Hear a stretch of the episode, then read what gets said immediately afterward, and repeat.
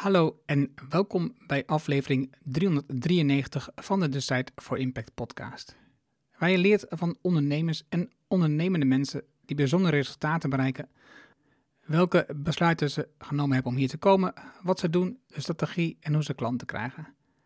Mijn naam is Erno Hanning en ik deel mijn opgedane kennis, ervaringen en expertise met jou. Ik coach ondernemers zodat ze besluiten nemen om een impact te groeien. Vandaag het gesprek met Elisa Pals. Elisa is klimaatpsycholoog en heeft een fascinatie voor menselijk gedrag en hoe je dit op een positieve manier kunt beïnvloeden. In 2018 startte ze het burgerinitiatief Zero Waste Nederland, nadat ze zelf al 2,5 jaar afvalvrij leefde. Op een met plastic bezaaid strand realiseerde ze zich dat dat afval symbool staat voor hoe wij als mensheid met ons planeet omgaan. Ter plekke besloot ze haar slagkracht te gaan vergroten en haar tips en inzichten te gaan delen, gebruikmakend van positieve psychologie. Zo ontstond de afvalvrije burgerbeweging Zero Waste, die inmiddels duizenden mensen telt. Elisa richt zich op afvalpreventie en verspilling in de breedste zin van het woord. Daarbij inspireert zij ook tot het vormgeven van een samenleving waarin niet consumptie, maar ecopositiviteit centraal staat. Het was een super interessant gesprek. Er komen veel onderwerpen aan bod. Laten we beginnen. Welkom bij Decide for Impact, de podcast waarin je leert van ondernemers en experts die een positieve, duurzame bijdrage leveren aan mens en omgeving. Met persoonlijke verhalen die je helpen om impactbesluiten te nemen voor jullie bedrijf. Dan nu, jouw business coach, Engel Halling. Welkom in de nieuwe podcast-aflevering. Dit keer spreek ik met Elisa Pals. Welkom Elisa. Hoi. Hoi. Ik, volgens zei ik net al tegen jou, ik ben je volgens mij in het verleden wel eens tegengekomen. Toen ik ging nadenken over afval, recycling, dat is normaal. Um, ik heb je daarna niet echt bewust gevolgd, um, totdat wij bij een bijeenkomst waren die georganiseerd werd, de Pool Schendeling. Om na te denken over um, wat komt er na het neoliberalisme, wat komt er na gooi. En uh, toen vertelde je in de intro het verhaal, dacht, oh, dat vind ik echt heel super gaaf. Hier moeten meer mensen van leren en ik wil hier meer over leren. Dus vandaar dat je in de podcast uh, hebt uitgenodigd. En heel fijn Leuk. dat je ook ja zei. Ja, natuurlijk. Ja. ja. Elke microfoon die ik uh, toegestoken krijg, daar maak ik graag gebruik van. Ja.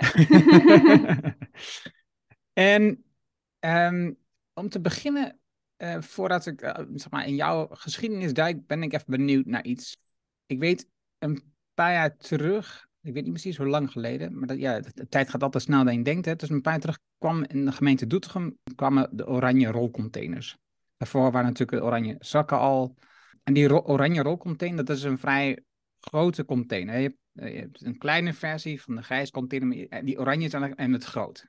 Uh -huh. Dus toen die oranje rolcontainer kwam, hebben wij voor een kleine grijze gekozen. We hebben een grote groene en we hebben een grote oranje. En oranje ik... is voor PMD, begrijp ik dan? Ja, dat is voor plastic en blik en alles wat um, zeg maar, uh, makkelijk uh, te filteren is, dat wat gerecycled kan worden, zegt de gemeente dan. Ja, ja, ik, zie, ik, ik had daar ook mijn vraagtekens bij. Dus ik stuurde toen een berichtje via Twitter naar de gemeente, um, omdat ik eigenlijk een gevoel had dat het starten met het oranje containers eigenlijk de verkeerde kant op gaat omdat de oranje container de mensen een gevoel geven dat die iets goeds doen. Mm -hmm. En eigenlijk alleen maar meer afval produceren. En ja. dus de container is groter, dus je, dus je, je ziet het ook niet eens. Hè. Je krijgt nu meer containers, je kunt meer afval spreiden. Dus je hebt niet eens het gevoel dat je meer afval produceert, maar je hebt meer afval in mijn antiek. En die, die container nodig om nog meer afval te verzamelen, te kopen, moet ik eigenlijk zeggen. Mm -hmm. Ja, hun antwoord daarop was ja, volgens ons niet. En er zijn niet veel onderzoek naar gedaan. En kom gerust een keer naar een informatieavond. Nee, de, voor die avond ben ik nooit uiteindelijk niet, uh, niet echt uitgenodigd. En ben, heb, heb, ik ook niet aan gedacht. En nog steeds heb ik mijn twijfels. Wat is, jij hebt er je verstand van. Want jij doet al lang onderzoek naar afval. En je zit ook bij gemeentes aan tafel. Wat is, hier, wat is jouw visie hierop? Ja, nou misschien ook nog goed om te... Ik, ik zal nog twee dingen vertellen qua, qua achtergrond. Eén, ik probeer dus zelf zonder afval te leven. Dus uh, ik heb überhaupt uh, die rolcontainers afbesteld. Dat kon ook in mijn gemeente. En de tweede is, ik ben psycholoog. Dus ik weet uh, redelijk wat over menselijk gedrag en ook hoe je gedrag kunt beïnvloeden. En hoe je bijvoorbeeld prikkels toepast om bepaald gedrag uit te lokken of juist te ontmoedigen. En uh, als het gaat om afvalscheiding, uh, dan is daar natuurlijk heel veel over te doen. En dat, speelt in heel het land. Er zijn 350 gemeenten die natuurlijk ieder voor zich uh, hierop beleid aan het maken zijn. De discussie die, die het vaakst tegenkomt, die, die ik het vaakst tegenkom, is bijvoorbeeld ook over voorscheiding. Of ja, hè, wat mensen thuis doen en nascheiding. Van is het niet beter om alles ongescheiden naar de, de recyclingfabriek te sturen? Want die machines die kunnen het veel beter dan wat wij als consumenten kunnen. Wat ik veel van mensen hoor is, nu we een PMD-container hebben, een plastic container hebben, ben ik me veel bewuster van al het plastic wat ik eigenlijk koop. Dat vind ik een voordeel. Uh, dat het voor mensen inzichtelijk is uh, hoeveel troep ze eigenlijk, en met name verpakkingsafval, ze eigenlijk uh, in huis halen. alleen uh, als ik mijn presentaties geef, dan, dan, hoor je het mij ook altijd zeggen: ik ben niet van de bewustwording, ik ben van het handelingsperspectief en gedragsverandering. Dus bewustwording zonder vervolgens actie daaraan te koppelen, heb je niet zo heel veel aan. Mensen kunnen zich heel bewust zijn van: oh jee, mijn PMD-container zit aardig vol. Maar als ze dan vervolgens nog niet weten hoe ze dat kunnen verminderen, als ze daar niet bij geholpen worden of getriggerd of geïnspireerd, dan uh, heb je bewustwording zonder actie. En bewustwording zonder actie leidt eigenlijk tot moedeloosheid. Het gevoel van ik kan hier toch niks aan doen in mijn eentje. En dat vind ik niet zo'n positieve boodschap. Uh, dus die inzichtelijkheid van hé, hey, uh, er zit heel veel in mijn PMD-container, kan prima zijn als je vervolgens als gemeente daar ook mee aan de slag gaat. En dat, kun, in dit geval noem ik gemeente, maar dat kunnen ook andere partijen zijn. Um, is het belangrijk om mensen ook middelen toe te reiken. van oké, nou als je dus minder afval wilt, dan kun je dit en dit en dit en dit doen. En dat zijn dus heel veel handelingsperspectieven. Alleen er is nog heel weinig focus op. Uh, het gaat nu veel te veel nog over recycling, over afvalscheiding en recycling. En we maken nog iets moois van die reststroom. Maar afvalpreventie wordt nog veel te weinig besproken. Uh, en daar kan heel veel nog uh, aan gedaan worden. En daar kun je mensen bij helpen. Dat is een beetje mijn, mijn missie. Ja.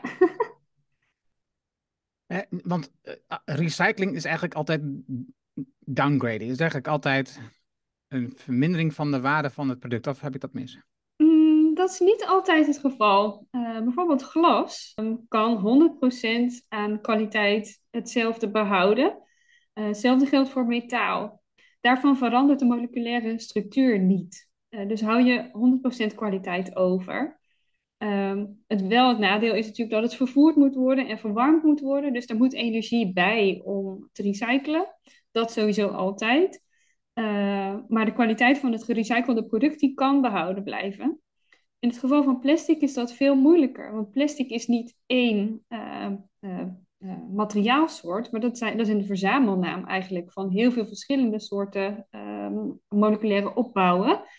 Um, en die kunnen vaak ook niet met elkaar gerecycled worden. En wat je dan krijgt is een soort plastic pulp waar je alleen nog maar bermpaaltjes uh, en straatmeubilair van kan maken. En, en, dat is echt downcycling. Dat is, we maken er nog een keertje wat moois van en uh, that's it. En dan stel ik me ook altijd de vraag van hoeveel bermpaaltjes hebben we nodig in deze wereld? uh, en dat gaat nog niet dan over de kraan dichtdraaien. En dat is wel echt mijn focus. Gewoon uh, de stop aan de voorkant. Gewoon niet meer al die troep maken. Dan hoef je er ook vervolgens niks mee. En hoef je niet al die energie erin te stoppen. Het is gewoon direct een milieuwinst wat je, kan, uh, wat je er kan bereiken door te voorkomen. Oké, even nu voor de achtergrond van uh, wie je bent. Je hebt dat heel kort net even uitgelegd. Psycholoog, je bent opgeleid als psycholoog. Je noemt jezelf nu is klimaatpsycholoog. Mm -hmm. Maar dat, is daar een studie van, klimaatpsychologie? Die is in ontwikkeling. Maar waarom ik mezelf klimaatpsycholoog noem, is omdat ik aangesloten ben bij het netwerk klimaatpsychologie.com. Dat is een stichting en daar zitten heel veel psychologen in die zich met hun expertise inzetten voor een beter klimaat. Dat zijn eigenlijk twee type psychologen. Eén zijn meer de therapeuten, dus die helpen mensen die uh, klachten hebben, mentale klachten hebben door klimaatstress bijvoorbeeld, of angst of wanhoop. Zo'n psycholoog ben ik niet, want de andere categorie psychologen, dat zijn gedragsveranderaars. Bijvoorbeeld, zij helpen ook mee met uh, campagnes uh, beter inzetten, met gebruikmaking van de kennis van psychologie. Waarom doen mensen wat ze doen? Waarom doen ze nog niet wat ze zouden moeten doen? Hoe kun je dat op een effectieve manier beïnvloeden? Dus die psychologen, die categorie, daar ben ik onderdeel van. En wij zetten dus echt gedragskennis in om de wereld beter, duurzamer, uh, toekomstbestendiger te maken. Ik, uh, ik, ben geen psycholoog, ik zet me wel in voor die gedragsverandering. Ik hou me bezig met, met uh, habits, met gewoontes. Hè. Dat, uh, ons gedrag bestaat voor 90% uit gewoontes. En dus als je daarmee bezig gaat en je leest daar veel over, dan, dan kom je vanzelf op allerlei psychologie en nudges en allerlei dingen terecht. Nou ja, waar ik al heel veel heb gelezen. Dus, dus ik voel me echt in dat terrein ook helemaal thuis. En, en heb daar voor mijn gevoel ook echt wel wat uh, te bieden met, uh, met ondernemers. Maar je bent dus psycholoog geworden, maar je bent aan de slag gegaan, uh, vooral in de, ja, in de ziekteverzuim, preventie en kwaliteitachtige zaken. Klopt, ja. Hoe, hoe, um, hoe, hoe kwam dat zo? De studie die ik heb gevolgd in Leiden, dat was Occupational Health Psychology. Uh, dus arbeid- en gezondheidspsychologie. En dat ging heel veel over um, de relatie tussen uh, lichaam en geest. Uh, maar ook hoe hou je mensen gezond, happy en healthy aan het werk. En dat ging dus ook over gedragsverandering. Het ging bijvoorbeeld over hoe zorg je ervoor dat mensen stoppen met roken. Of dat ze meer gaan bewegen. Of dat ze beter slapen. En alles wat je kunt besteden, alle aandacht die je kunt besteden aan ziektepreventie kun je weer besparen op het ziektemanagement uh, stukje. Dus zo is bij mij en de gedachte bovengekomen van uh, preventie, uh, maar ook gedragsbeïnvloeding. Dus hoe, hoe werkt gedragsbeïnvloeding? En diezelfde principes die pas ik nu dus toe, niet meer op ziekteverzuim en medewerkersgezondheid, maar op duurzaamheid en afvalvermindering. Ja, maar het zijn in, in essentie dezelfde handvatten die ik gebruik dezelfde tools. Ja, ja. ja. Beide hebben natuurlijk een heel grote toegevoegde waarde voor de maatschappij. Hè? Dus mensen gezond houden, um, mensen beter laten voelen, fysiek, mentaal. Uh, aan de andere kant, um, zeg maar, ervoor zorgen dat we minder afval. Allebei hebben ze gewoon een enorme bijdrage voor de maatschappij, voor de wereld. Merk je dat ook voor jezelf? Uh, mis je soms uh, die, dat stuk preventie voor um, hoe mensen zich voelen dat, op dat vlak? Uh, ja, en dat, vind ik best een lastige. Uh, problemen oplossen, als je, nadat je ze gecreëerd hebt, is vaak een, is vaak een verdienmodel. Uh, als je alleen al kijkt naar de marktwerking in de zorg, er is, wordt ontzettend veel ingezet op mensen beter maken, maar heel weinig op preventieve zorg. mensen gezond houden gezonde leefstijl? Waarom is er nog geen suikertax? Waarom is er geen uh, vleestax bijvoorbeeld? Als we weten dat bepaalde dingen slecht voor ons zijn, waarom mogen er zoveel pesticiden gebruikt worden, bijvoorbeeld uh, in de landbouw? Als we al weten hoe slecht het allemaal is. Dus ik vind het heel vreemd en schadelijk dat er aan preventie zo weinig tijd en geld wordt besteed en aan het oplossen van problemen uh, zoveel. En dat heeft echt met marktwerking te maken. Dat heeft echt te maken met hoe onze economie in elkaar steekt. Dat is een van de prikkels voor mij ook. Ja, zo kennen we elkaar. Uh, om, uh, om, we raakten in gesprek ook over het alternatief voor de economie zoals we die nu kennen. Omdat ik gewoon merk dat het financiële systeem niet klopt. Als het dan gaat over afval, uh, dan zie ik dat er heel veel, nu dus aandacht wordt besteed aan recycling, maar afvalpreventie dus helemaal niet.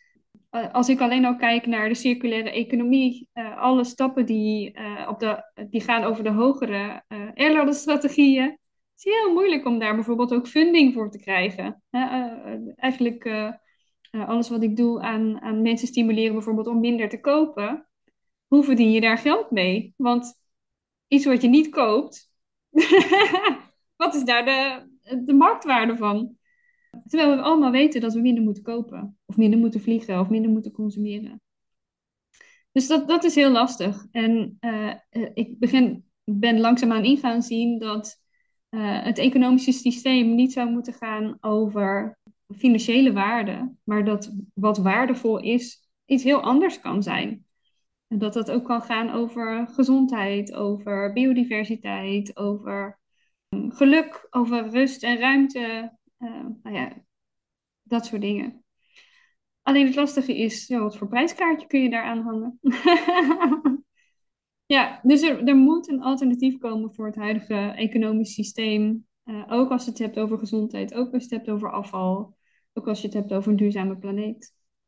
Een ja. toekomstbestendige ja. planeet. Ja. Ik, echt, ik kan niet meer dan het enorm onderschrijven wat je nu vertelt. En ik heb een aantal mensen in de zorg ook ondertussen gesproken op dit vlak. En je hoort telkens weer het probleem. Dat, hè, dus we willen wel werken aan het voorkomen van uh, dat je gezond blijft. Maar dat verdienmodel erachter, weet je wel? Dus die ziektekostverzekers die erachter zitten, de steun met de overheid. Het is allemaal geënt op ziek zijn en op beter maken. En datzelfde zie je, we laten, eh, ja, we laten bedrijven toe om producten te produceren waar we ziek van worden. Weet je, wel? je noemde het pesticiden, maar kijk ook naar het voedsel wat we binnen kunnen krijgen, wat we kunnen kopen in de supermarkt overal. Er zijn zoveel producten die we kunnen kopen, waar we gewoon uiteindelijk ziek van worden. En dat, is, dat, dat weten we ook allemaal. Dus bewustwording is niet meer het probleem. Probleem is gewoon actie ondernemen. Hè? Dus marketing bijvoorbeeld, moet gewoon, met dat soort producten moet gewoon meer stoppen. Moet gewoon verbieden, moet gewoon verboden worden, wat mij betreft, dat soort zaken. Ja, uh, marketing is één ding. Uh, dus dat je er geen reclame meer voor mag maken. Maar het tweede zou misschien zo, zouden producten sowieso gewoon niet meer toegestaan mogen worden op de markt. Ik verbaas me er bijvoorbeeld over als je in een ziekenhuis bent, wat je daar aan ongezond eten kunt kopen. En hoe moeilijk het is eigenlijk om iets gezonds te krijgen.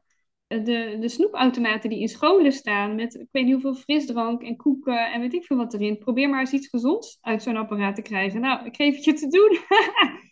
dat zijn die dingen waar we ons continu mee omringen. Ik, ik, heb geen tv, maar als ik wel eens ergens ben of bij mijn ouders ben, de tv staat aan. Als je dan ziet wat voor commerciële boodschappen er langskomen met allemaal dingen die slecht zijn voor onze gezondheid, slecht voor de planeet.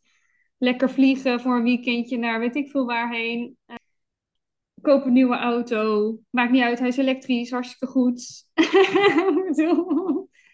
ja, en het is heel moeilijk om je daartegen te wapenen. Die marketingmachine die zo om ons heen is, daar, daar is bijna geen uh, wilskracht tegen opgewassen. Want je bent een individu uh, en je kunt jezelf nog zo bewust zijn of zo uh, alert maken op hey, ik, ik, weet, ik weet wat gezond is of niet. Je kunt je nog zo inlezen. Maar die verleiding om ons heen, die is continu. En het is bijna niet te doen om daar tegen bestand te zijn. Dus marketing is één ding, maar ander, een andere oplossing zou zijn gewoon bepaalde dingen vanuit de overheid verbieden. Sommige dingen zijn zo slecht dat je ze gewoon niet meer moet willen. Als het gaat om plastic en afval, dan zie je nu dat er vanuit Europa bepaalde producten verboden zijn. Uh, wegwerp, uh, bordjes, bekers, bestek, dat soort dingen uh, mogen niet meer verkocht worden. we hebben het gehad over de ballonstokjes en de wattenstaafjes en dat soort dingen. Ja, het zijn hele banale dingen.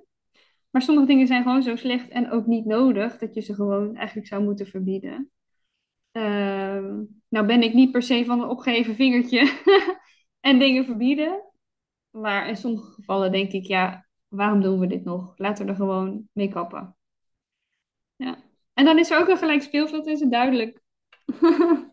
Het grappige is natuurlijk waar, ja, we hebben het over recycling, we hebben het over, hè, dus bijvoorbeeld het plastic afval verminderen doordat de bedrijven nu eindelijk het recycling hebben opgepakt dat je plastic kan inleveren. ik zag een berichtje terugkomen dat nu bij Blik gebeurt het ook. Maar daar zijn er allerlei beperkingen voor bedacht. en, en de markt heeft natuurlijk bedacht, oké, als we het nou van uh, papier maken, een verpakking die iets kleiner is dan wat de grens is voor die, dat innamebeleid, dan uh, kunnen we dat omzeilen. En dan zie je dus dat die unieke, al die pakken allemaal anders worden in de, in de stellingen. En je, je, je het alsnog gewoon met afval moet gooien, of in ieder geval in de oranje, in de oranje ton mag gooien. Die industrie is ook wat dat betreft zo ja, vals.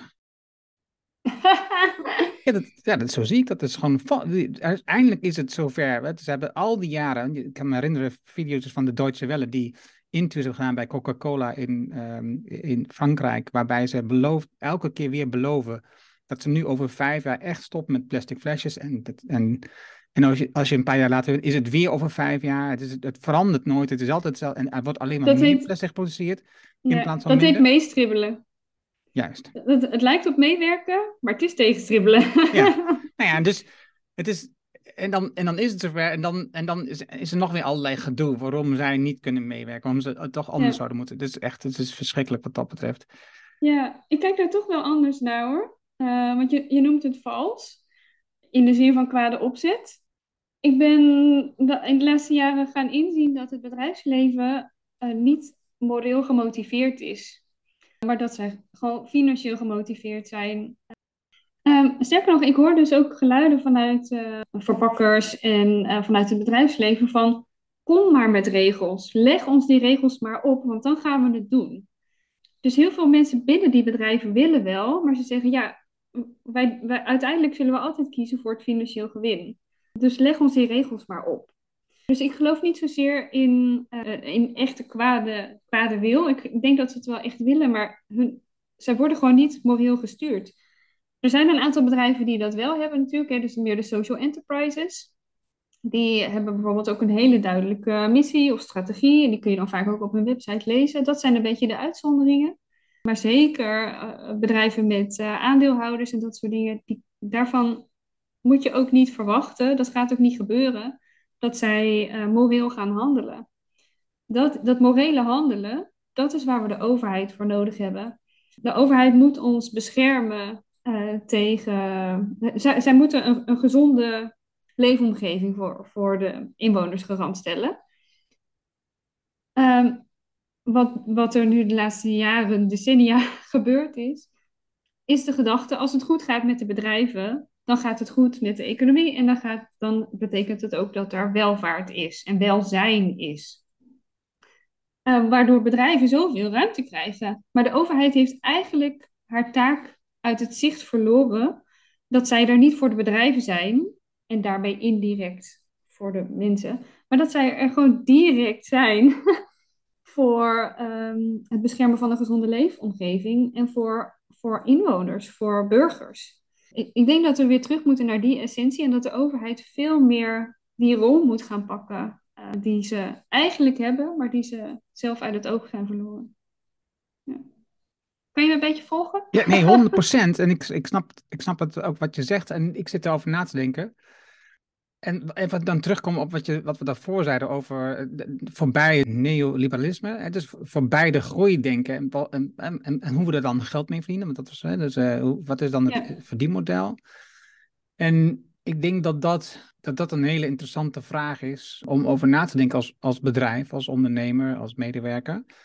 Over hoe kunnen we nou en dan een verdienmodel maken, bedenken, wat niet alleen maar economisch geënt is, uh, maar ook wat je zegt, op welzijn en op uh, sociale omstandigheden of op de biodiversiteit, op ecologie. Er zijn heel veel elementen waarop je impact kunt maken, wat, een, wat je een verdienmodel zou kunnen noemen, alleen niet in de traditionele zin des woords. Hè. Dus het verdienmodel wordt op dit moment alleen maar gezien als een economisch verdienmodel, dat we er ja. geld mee moeten verdienen. Uiteindelijk moeten we winst maken, want als we niet winst maken en niet groeien, staan we stil. En stilstand is achteruit, al die termen, die kennen we allemaal.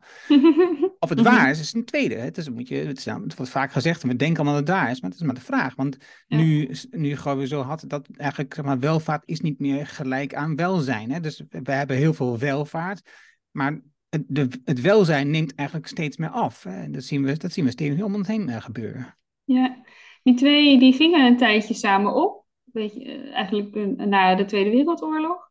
Maar je ziet dat dat nu heel erg uit elkaar aan het groeien is. En dat welzijn eigenlijk niet meer toeneemt. sterker nog, dat we heel erg gebukt gaan onder de welvaart. Als je uh, ziet hoe gevangen mensen zitten in hypotheken, in geld moeten verdienen, eigenlijk je tijd verkopen aan een baas om gewoon te kunnen wonen, leven, eten, jezelf vervoeren. Um, de stress die daarmee gepaard gaat, continu aanstaan, continu bereikbaar zijn, continu boodschappen op je afgevuurd krijgen, meerdere duizenden boodschappen per dag zoveel keuzes die je op een dag moet maken, uh, omdat er gewoon zoveel is. Ja, het, het, het, is gewoon eigenlijk niet meer houdbaar zoals we de maatschappij nu, nu aan het inrichten zijn. En welvaart en welzijn gaan steeds verder uiteenlopen. Uh, en, en je merkt dat dat nu gaat schuren en kraken. En dat is mooi. dat, dat klinkt heel oncomfortabel. en dat, dat is het misschien ook wel, maar het is wel wat er nodig is om verandering teweeg te brengen. Want ik denk dat dat toch wel echt heel erg nodig is. Dat we anders gaan kijken naar ons economisch systeem en naar onze maatschappij. En dat we andere dingen belangrijk moeten gaan vinden. En dat vraagt ook een herijking van de rol van onze overheid. Oké, ik kom hier straks nog even op terug, denk ik. Even terug naar zeg maar, het fundament waar je mee bezig bent, zero waste. Hè? Mhm. Ik zat ehm, jouw verhaal te kijken in de TED Talk en die link dus zal ik in de show notes toevoegen, waarom je ooit bent begonnen en dat mag je zo vertellen.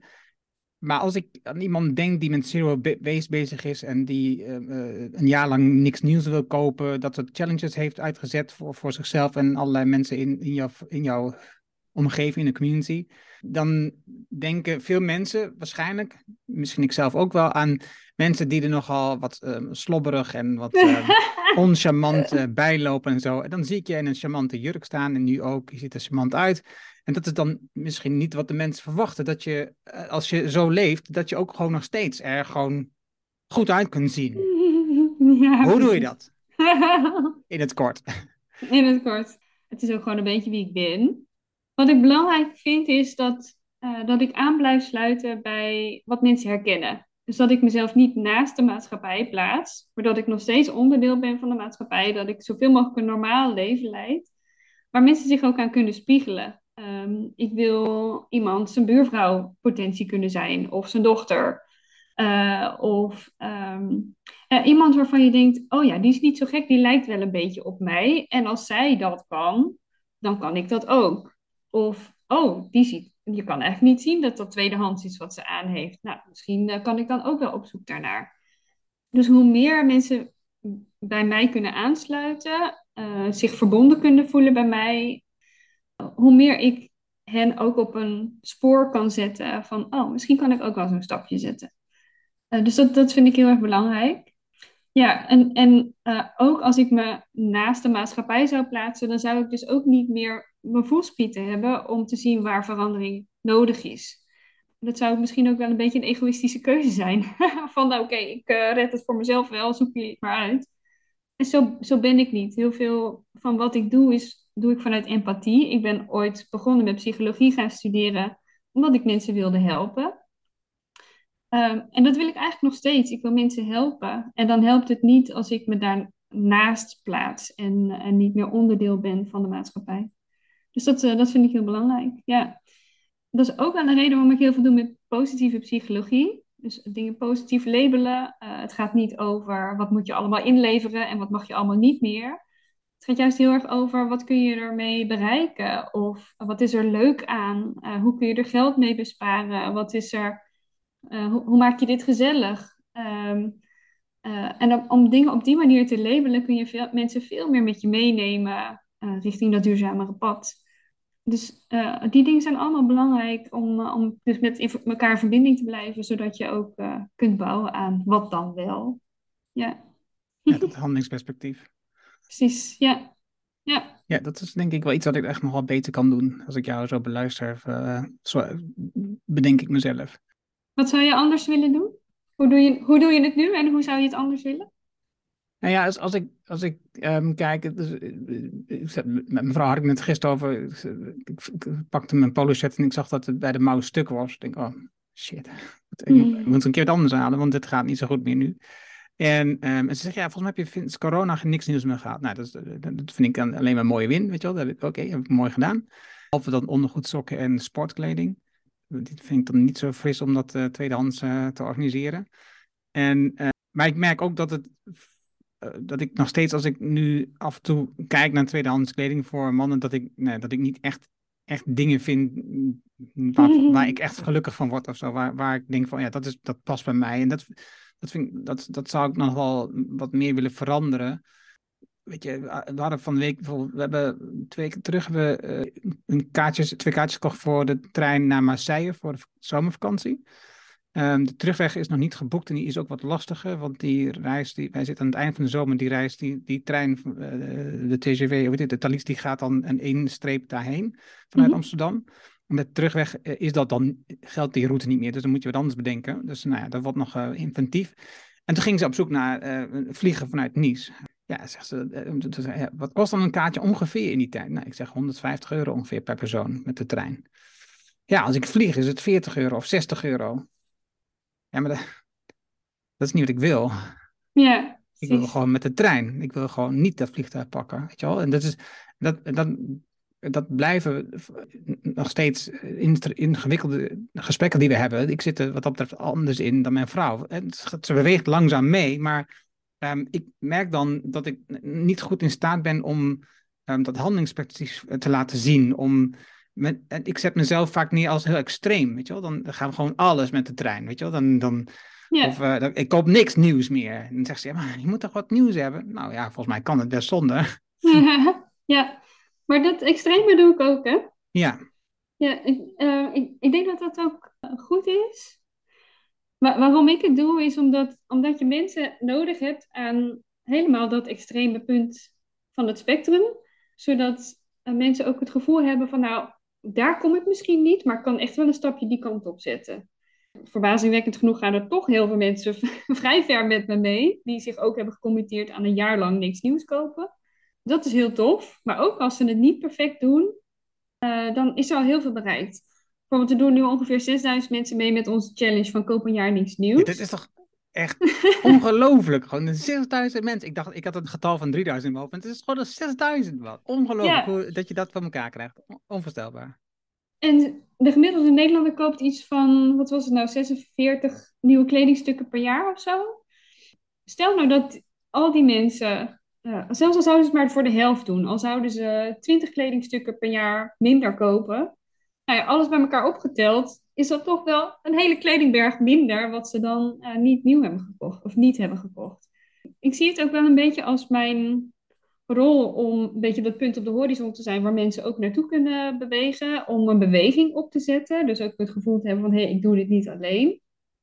En, uh, en om het gewoon te gaan proberen en met elkaar dus ook uh, die positieve ervaringen uit te wisselen. En wat, wat ik ook wel zie gebeuren, bijvoorbeeld in de, in de groepen, in de Facebookgroepen bijvoorbeeld, is dat mensen elkaar echt wel aanmoedigen. Soms post iemand van, hé, hey, ik ben de mist ingegaan, ik ben de, de action binnengelopen en oh jee, dit is er gebeurd. en dan zie je toch dat mensen elkaar tips geven of uh, heel vergevingsgezind zijn. Dat mensen een tip geven van, goh, uh, leg het even aan de kant. Heb je het over een week nog niet gebruikt of heb je je bedacht, kun je misschien nog dingen terugbrengen? En die stimulerende gesprekken, zeg maar, dat werkt ook heel fijn.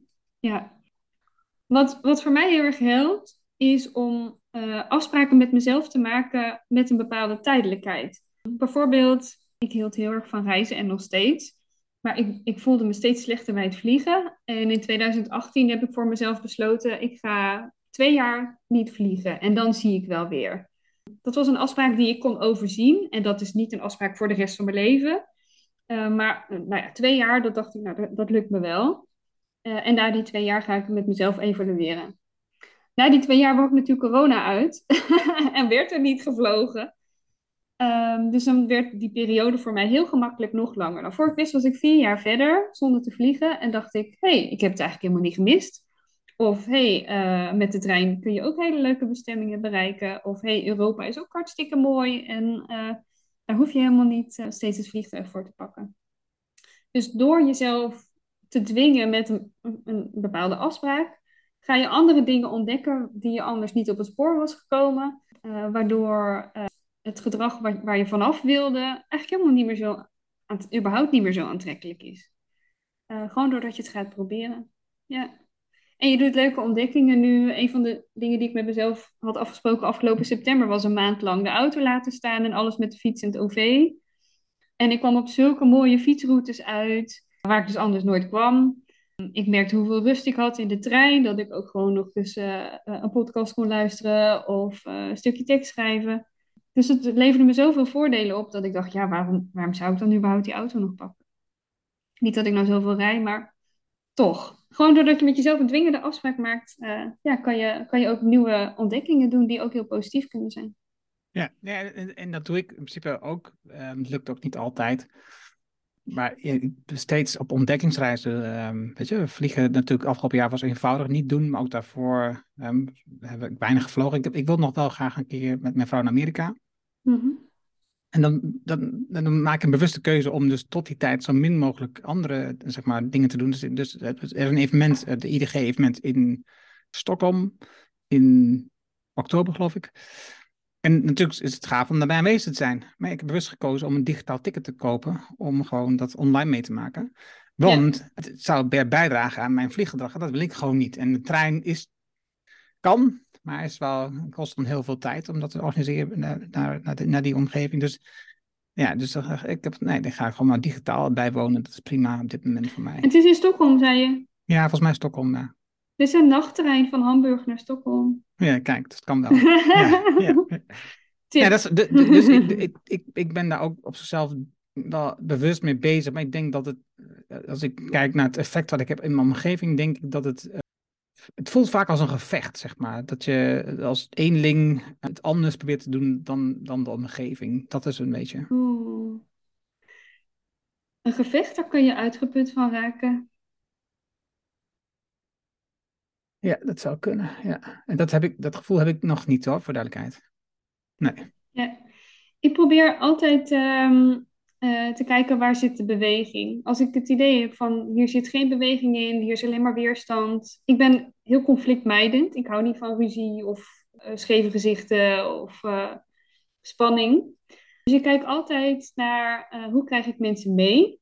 hoe hou ik het positief? Um, en, waar, en waar zitten de haakjes om de beweging die er al is, om die stevig te versterken? Ik richt me dus niet op de mensen die helemaal anti zijn. Alles wat ik doe. Ik ben al heel lang vegetariër. Als mensen dan tegen mij zeggen. Je hebt van die type mensen die zeggen: Nou, geef mij jouw biefstuk, maar dan heb ik er twee. Dat zijn niet de mensen die ik ga overtuigen. Die laat ik links liggen. Dus ik richt me op de mensen die al, al, niet de mensen die al helemaal mee zijn, want daar valt niks meer te overtuigen, maar de mensen die daar net achter zitten. En als ik die beweging groter kan maken en zichtbaarder kan maken, uh, dan volgt de meute wel. dus ik, ik, probeer veel meer in te zetten op uh, normverandering en ook uh, positieve verandering die ik zie, om die te versterken, uit te vergroten, mensen aan te moedigen, mensen op een podium te zetten. En, en veel meer richting het, het positieve. In, en het, het negatieve en de achterblijvers en de weerstand, die laat ik gewoon helemaal langs me heen gaan. Um, omdat ik daar zelf helemaal op en ik denk ook, ja, als ik mijn energie verlies en als ik mijn motivatie verlies en als ik mijn spontaniteit verlies, uh, dan heeft niemand daar wat aan. Dus ik kijk ook een beetje hoe, hoe blijf ik zelf op de been. Want wat ik doe is blijkbaar nodig. En dan moet ik ook een beetje voor mezelf zorgen. En die trollen, daar word ik, uh, ja, daar word ik dus niet blij van. Dus dat betekent soms ook ja, dat ik mensen blokkeer. Omdat ik denk, jij brengt niks positiefs in mijn leven. ja, dat kan gebeuren. Niet zo vaak hoor, maar dat kan gebeuren. Ja, nou ja, ik denk dat als je uh, stijgt in populariteit, dat het steeds meer wordt. Valt heel erg mee. Ja, dat, ja nou, dat is mooi. Goed eh, om te horen ook van jou. Jouw reis, zeg maar, van Zero Waste, eh, die, die begon op dat strand. En uh, strand vol met afval. Maar daarvoor was jij al mee bezig. Ja. Wat was eigenlijk de eerste um, stap die je had gezet? Wat was de eerste kleine stap die je had gezet? Mhm. Ik was helemaal niet bezig met afvalvermindering. Ik was van het type van, nou, als ik het in de goede bak doe, dan doe ik uh, toch alles wat ik moet doen. En dan maakt uh, afvalverwerker, die maakt er dan weer wat moois van. Uh, een beetje magisch denken ook wel. maar in 2015 ik had wat medische problemen en ik dacht, ik ga gewoon eens goed opletten wat ik nou in mijn lijf stop. En ik kocht een boekje waar alle E-nummers in beschreven staan, alle additieven in voeding. En daar, daarmee liep ik door de supermarkt en ging ik alle etiketten bestuderen. En kwam ik er dus achter dat heel veel van de bewerkte producten die ik gebruikte, dat daar een rood kleurtje bij stond. En er stond beter vermijden of echt vermijden. En toen dacht ik, ja, maar dat eet ik allemaal gewoon. Dus ik dacht, dat ga ik niet meer doen. Uh, ik ga gewoon naar de markt en naar de moestuin van mijn vader. En ik ga gewoon verse hele producten koken, uh, kopen en koken. En dan weet ik precies wat ik in mijn lijf stop. En doordat ik dat ging doen, produceerde ik per ongeluk de helft minder afval. Mijn, mijn prullenbak bestond dus voor een heel groot deel gewoon uit voedselverpakkingen. En die had ik niet meer, omdat ik naar de markt ging en naar de tuin van mijn vader. En toen ging bij mij het, lampje aan, waar ik eigenlijk al mee bezig was met preventie. Toen dus nog op ziekteverzuim. Maar toen dacht ik, ja, dat kan ik, datzelfde preventieprincipe kan ik ook toepassen op mijn eigen afval. Uh, en de eerste helft had ik dus al ongeluk voor elkaar. En toen dacht ik, ja, als ik me daar een beetje op ga focussen, misschien kan ik die prullenbak nog veel verder leeg krijgen. En toen werd het een, uh, een soort speurtocht. Ik uh, kieperde mijn prullenbak ondersteboven van wat zit hierin. Ik categoriseerde dat een beetje. Het eerste, het grootste deel was voedselverpakkingen. En daarna was het uh, cosmetica en schoonmaakproducten. Dus toen ging ik een beetje zitten googlen, oma's tips. Hoe, hoe maak je schoon met baking soda en, uh, schoonmaken zijn. En zo kwam ik echt van het een in het ander. En werkte ik steeds van, van grote categorieën naar steeds kleiner. Tot er bijna niks meer in mijn prullenbak over, zo, over was. En dat nou ja, duurde dus een paar maanden. En ik, ik stak het ook echt in als een puzzel, als een ontdekking. Niet als een moeten en, en niet, als, niet vanuit een frustratie, maar meer vanuit: hé, hey, dit is leuk. Dit kan ik zelf, hier heb ik controle over. En ja, en ik hou ook wel van een beetje mentale prikkeling. Ik hou ervan om een beetje uitgedaagd te worden. Of om mezelf uit te dagen. Dus, dus het was eigenlijk heel leuk om te doen. En uh, nou ja, per ongeluk dus van het een in het ander gerold. Tot mijn prullenbak helemaal leeg was. Um, dat was in 2015. Het strand wat jij beschrijft, dat was in 2018. Dus er zat drie jaar tussen. Het heeft wel een tijd geduurd voordat ik zover was dat ik bedacht om andere mensen mee te gaan nemen in die zoektocht ook een beetje, ik had echt wel een Calimero-complex. Zo van, uh, ik ben klein, het probleem is zo groot, dus wat kan ik eigenlijk doen? Maar ik had ook echt niet de behoefte om andere mensen te vertellen wat ze moesten gaan doen. Ik dacht ook, ja, dat mensen zien me aankomen. Uh, uh, ik wil niet belerend zijn. maar ja, uiteindelijk dacht ik, ja, weet je, het heeft gewoon, het heeft maar zo'n beperkt nut als mijn prullenbak perfect leeg is en iedereen produceert nog steeds zoveel troep toen heb ik wel daar besloten op dat strand van ik ga wel kijken hoe ik mijn cirkel van invloed groter kan maken. En hoe ik daarbij dus mijn talent, eh, nou ja, eh, psychologie inzetten, hoe ik dat daarbij kan gebruiken. Ja. Nou ja, voor je het weet heb je een hele beweging opgezet. Dat is niet helemaal waar, dat je het weet. Per ongeluk. per ongeluk. Ja, het, motiveert me echt enorm. Dus het is, ik vind het heel gaaf om te horen. Nu heb je dus een challenge van 6000 mensen. Heb je dezelfde challenge vaker gedaan? Zodat je, hoe is dat gaan dat je in één keer tot 6000 mensen kwam? Ik heb, dus in 2016, januari 2016, heb ik voor mezelf besloten, als ik minder afval wil maken, dan betekent dat ook dat ik moet stoppen met nieuwe spullen kopen. Want het gaat niet alleen over die verpakkingen, maar ook spullen gaan, alles wat je koopt, wordt ooit een keer afval. Dus toen besloot ik van nou, ik ga in ieder geval met mezelf afspreken om een jaar lang niks nieuws te kopen. En maar niks nieuws betekent ook niet tweedehands? Nee, niks nieuws. Dus tweedehands mag wel, ja. Uh, maar pas als laatste oplossing. Dus de eerste oplossing is doe met wat je hebt. Dan gaat het over lenen, ruilen, huren, uh, repareren wat stuk is. En dan pas, als het echt niet anders kan, tweedehands kopen. En dus niet nieuwe spullen vervangen door tweedehands spullen kopen, maar dan net zoveel, zeg maar. Het gaat echt wel over minder consumptie. Dus de eerste afspraak met mezelf was, ik ga dit een jaar lang proberen. En dat was zo leuk en gemakkelijk en ik bespaarde heel veel geld, dat het gewoon ook een nieuwe leefstijl werd. Dus voor ik het wist, ik, was ik vijf jaar verder. Daar schreef ik een blog over en die blog is heel veel gelezen. En dat inspireerde weer mensen van Maatschap Wij. Dat is zo'n positiviteitsplatform, nieuwsplatform. En uh, de hoofdredactrice daarvan, die heeft toen ook met zichzelf afgesproken, ik ga dat een jaar lang uh, proberen. Daar reageren ook weer heel veel mensen positief op. En toen hebben we samen besloten van laten we er een challenge van maken. Want we hebben nu allebei heel veel tips. Uh, we kunnen daar mensen bij helpen. Uh, dus toen hebben we een challenge gestart. En uh, een Facebookgroep en een LinkedIn groep. daar plaatsen we ook artikelen over bijvoorbeeld... hoe doe je dat dan met cadeautjes als je geen nieuwe spullen wil kopen? Hoe ga je om met kinderen of met partners? Wat zijn nou dingen die heel moeilijk tweedehands te krijgen zijn? hoe werken koopprikkels en hoe wapen je je daartegen? Uh, dus ook weer een stukje kennis, ervaring, psychologie. Proberen we mensen zoveel mogelijk mee te helpen. Ja, en dat, uh, daar haken nog steeds uh, heel veel mensen bij aan. Dat is echt heel leuk om te zien. Ja, dat was mijn, dat was mijn vervolgvraag. Wil je nog steeds aanmelden? Ja, zeker. Ja. Ja. Waar, waar moet ik me aanmelden? De meest interactieve groep is op Facebook. Dat is Koop een jaar niks nieuws. maar op LinkedIn is er ook een groep en die heet hetzelfde. Koop een jaar niks nieuws.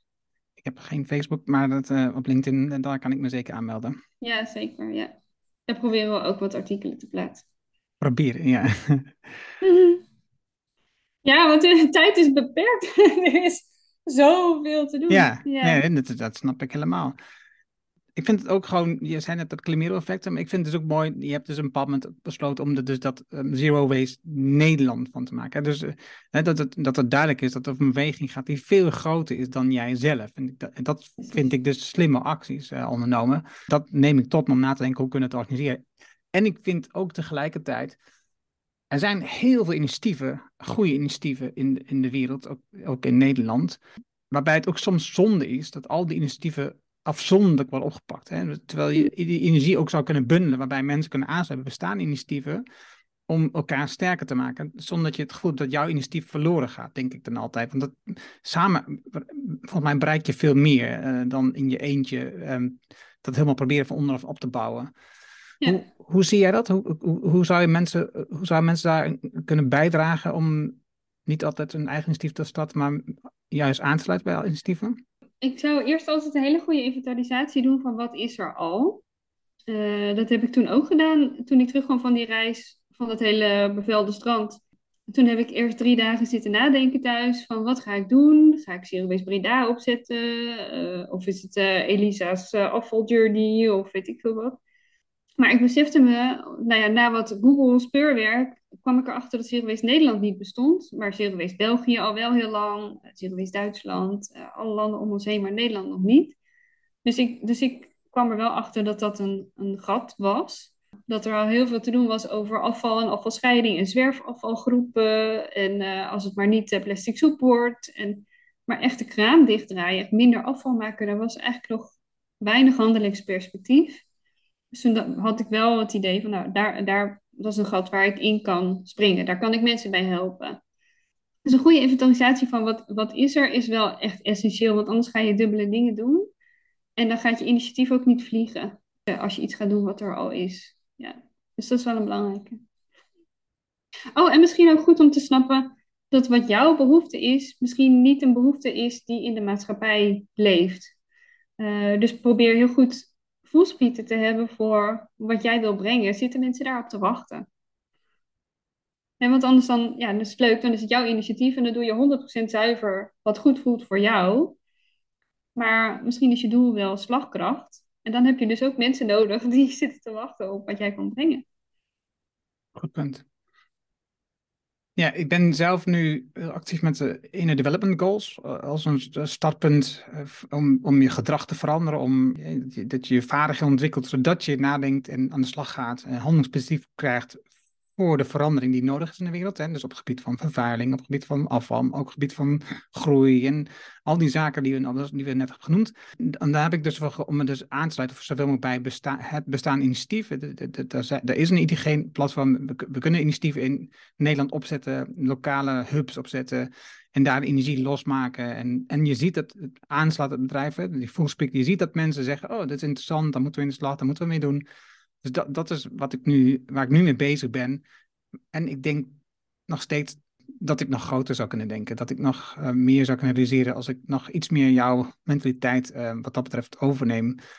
Ja, we maken onszelf vaak zo klein. Uh, dat, dat, is een bepaalde bescheidenheid, of misschien ook inderdaad van ja, ik ben individu en de maatschappelijke uitdaging is zo groot.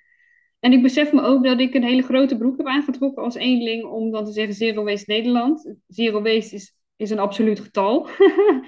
en Nederland is best een flink land met heel veel consumptie. Uh, maar ik dacht, ja, het, het, is ook een beetje soms de, houding van ja, als ik het niet doe, wie dan? En durf ook groot te denken. Uh, Babette Porcelein, je noemde haar ook wel eventjes in het voorgesprek, is voor mij ook een hele inspiratiebron. En haar stichting heet Think Big, Act Now maak jezelf niet te klein. Uh, we hebben echt iedereen nodig op volle kracht en uh, denk groot. Uh, je mag best wel, nou ja, het podium pakken, hoog van de toren blazen. Laat het maar gebeuren. Maar als we onszelf klein blijven maken, ik bedoel, bedrijven doen dat bijvoorbeeld niet. dus ehm, laten we zeker niet te bescheiden zijn als uh, mensen die, die de wereld beter willen maken. Dat, we zijn nodig. En we mogen best wel sterker zijn. Ja. Heb je al een boek? nee. Komt er een boek? Moeilijk. Ik hou van kleine stukjes schrijven, columns en uh, stukjes op LinkedIn. Ik merk dat ik het heel lastig vind en ook dat mijn tijd heel versnipperd is om, om gestructureerd aan een boek te kunnen werken. Maar het zit wel in mijn hoofd. Ja. En wat ik ook lastig vind en wat ik ook wel merk dan in zo'n gesprek met jou, ehm, is dat ik van heel veel dingen iets vind. Op heel veel vlakken tegelijk aan het werken ben. Als het gaat over afval en consumptie, maar ook uh, economie, ook over gezondheid, over politiek. Heel veel dingen vind ik iets van. en werk ik ook aan. Maar hoe vat je dat nou in een boek? Ik zou wel niet eens weten waar het precies over zou moeten gaan. Dus dat vind ik een lastige. Als er schrijverscoaches in jouw netwerk zitten, hou ik me aanbevolen. Oh, die zijn er, die heb ik, die heb ik. Dat is uh, geen punt. Oké, nou dat zou wel heel fijn zijn. Ik werk met iemand samen met Elsa Boutkan. Zij um, is na jarenlang um, het willen doen en uh, over zeuren. Um, eigenlijk is begonnen aan haar boek te schrijven. En het is nu bijna zover. We zijn bezig met de drukker op, op een ecologische manier. En het boek heet uh, Groen en Gevangen. En dat is een verhaal. Het is in een verhaal in de stijl geschreven, dat wilde ze heel graag.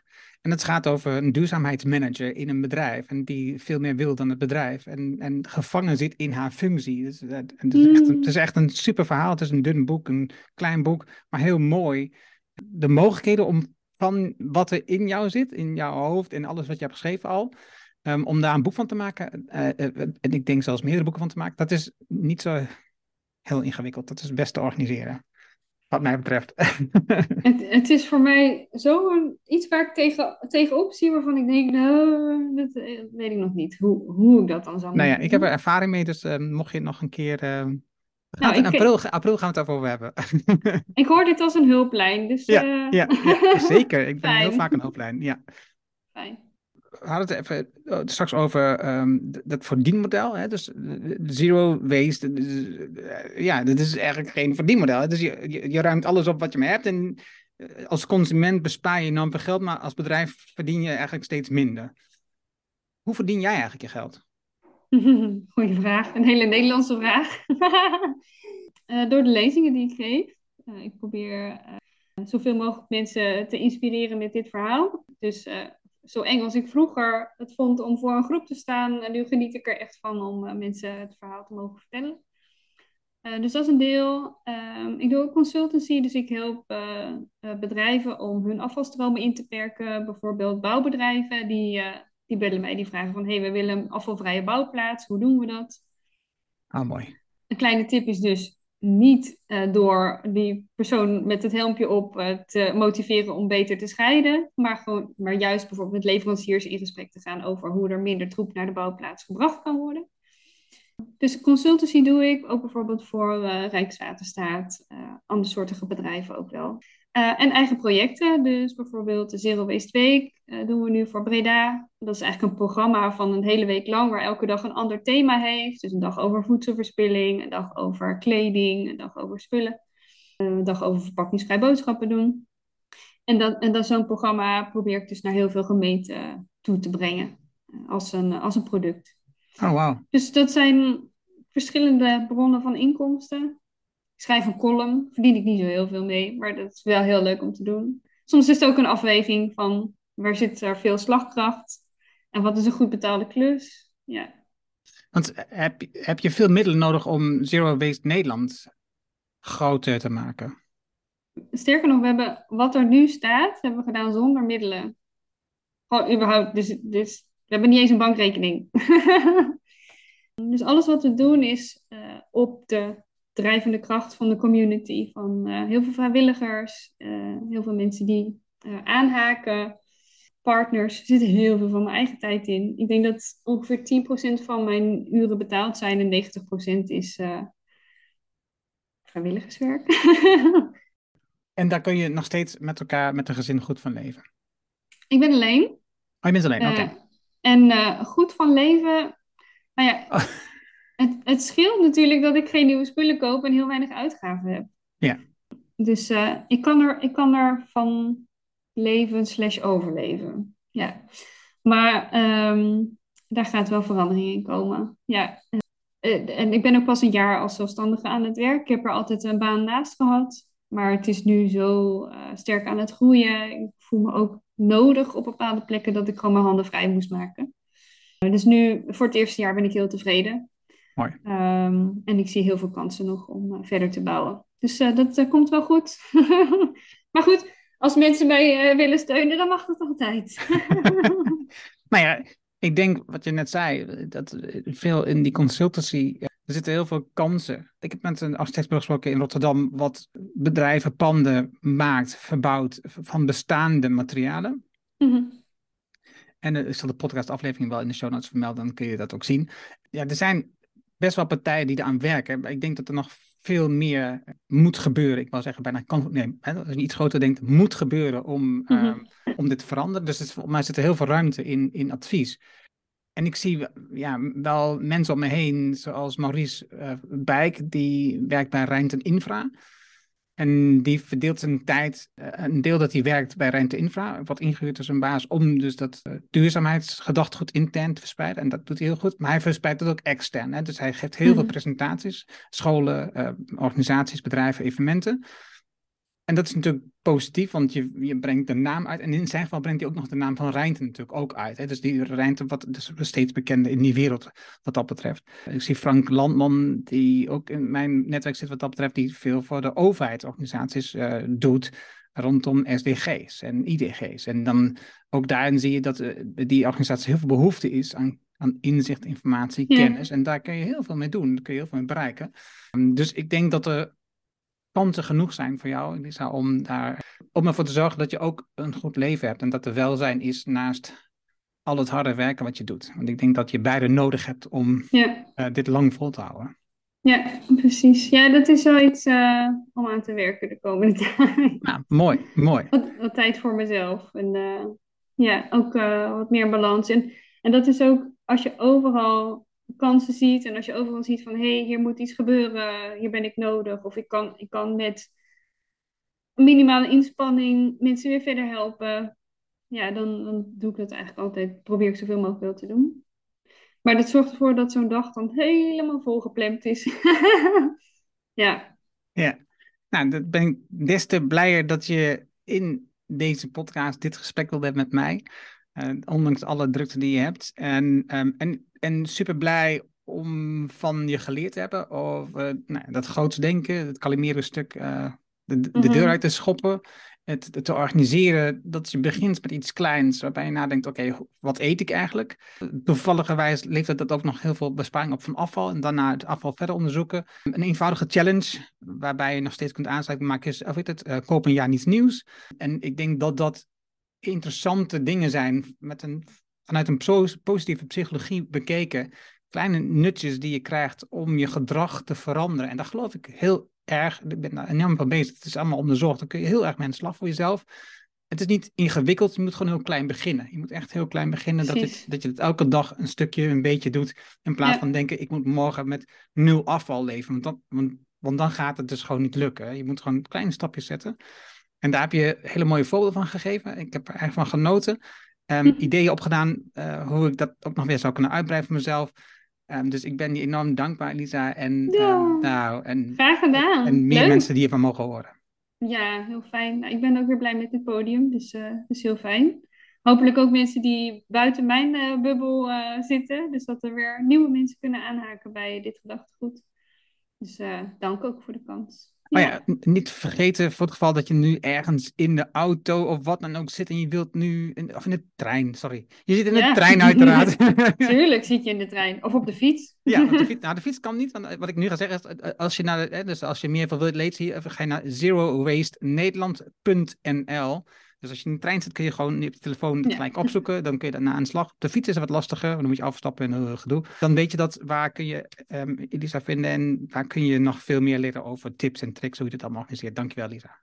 Oh ja, graag gedaan. Misschien nog een, een, klein ding nog wat leuk is om te vertellen. Ik doe dus heel veel op LinkedIn. Ik ben, ben redelijk zichtbaar op LinkedIn en daar schrijf ik veel opinieachtige stukjes. Dus wil je actuele dingen van mij zien, dan uh, nodig ik iedereen uit om mij gewoon een vriendschapsverzoek te versturen op LinkedIn. Waarom niet volgen? Volgen is leuk, maar ik wil ook graag weer wederzijds geïnspireerd worden door anderen. Ik heb ook niet alle waarheid in pacht en ik vind het heel fijn als anderen mij ook weer inspireren. Dus een uh, vriendschapsverzoek vind ik het fijnst. Mooi, dankjewel. Asje, fijne dag. Dat was het mooie gesprek met Elisa. Je vindt de namen en links die we noemden in het artikel dat bij deze uitzending hoort. Ga daarvoor naar decideforimpact.com slash show 393. Wil je automatisch de volgende aflevering van deze podcast op je telefoon ontvangen? Dat kan heel eenvoudig. Heb je een iPhone, dan zit daar standaard de Apple Podcast app op. Open deze app en zoek naar de Decide for Impact podcast en klik op abonneer. Heb je een Android-telefoon? Installeer dan eerst bijvoorbeeld de Player FM app. Open deze app, zoek op de Decide for Impact podcast en klik op abonneer. Dankjewel hiervoor. Heb je vragen, opmerkingen of een reactie over deze aflevering met Elisa of over de podcast in het algemeen? Stuur dan een e-mail naar podcast.decideforimpact.com. Dan ben ik dat over de podcast gaat. Ik hoor super graag van jou. Wil je leren hoe je focus en energie vindt met jouw innerlijke kompas? Hoe verbinding in je team het verschil maakt? Hoe je vertrouwen krijgt in je collega's en hoe je een moedig mens wordt? Download dan het boek Impact Besluiten waarmee je nieuwe medewerkers aantrekt op decideforimpact.com. Dit is mijn nieuwste boek en je downloadt het daarom helemaal gratis. Je hebt zelfs geen e-mailadres nodig.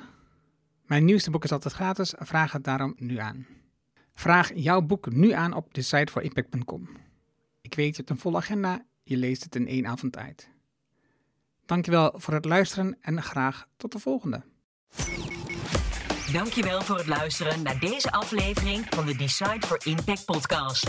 Ga voor jouw volgende stap naar decideforimpact.com.